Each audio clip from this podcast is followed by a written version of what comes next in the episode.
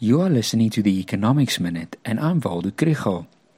Yesterday's episode briefly explained the supply side indicators of the economy, but that's only one side of the story.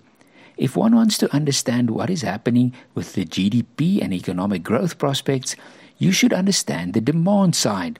In other words, consumption, investment, government spending, and net exports. Here is a brief summary of those indicators. There are a lot of indicators that are clues to how consumers are doing. Statistics South Africa publishes retail sales figures, and they grew by just 0.1% year on year in May. Also, Bank South Africa's Economic Transactions Index was lower in June. One can also think in terms of households' ability to spend and that is about disposable income and the use of credit. BankservAfrica's take home pay index has been declining over the past year. The Reserve Bank measures private sector credit extension, and it has grown slowly over the past year, even with the high rising interest rates. The fintech group Altron has a household financial resilience index and it indicated that households' ability to take on and repay debt has remained stable in the first half of this year.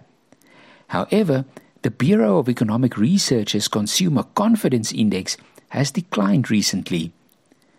Measures of investment spending are not frequently available, but there are reports such as Nedbank's Capital Expenditure Project Listing Report, which shows that fixed investment could rise by 3.5% this year. Analysts do not pay much attention to government spending on a quarter to quarter basis. The net effect of government spending is to stimulate aggregate demand because the spending is more than what is withdrawn from the economy through taxes. The last measure is net exports. We know that an important part of last year's growth was driven by exports and especially by high commodity prices. This has leveled off in the last few months, but is still positive for economic growth. To summarize, consumers were hard hit by the higher inflation rate and interest rates of the second quarter of this year. But from an aggregate demand side, there is spending that supports growth. But all of these are short term factors. For long term growth, we need those structural reforms that everyone is talking about.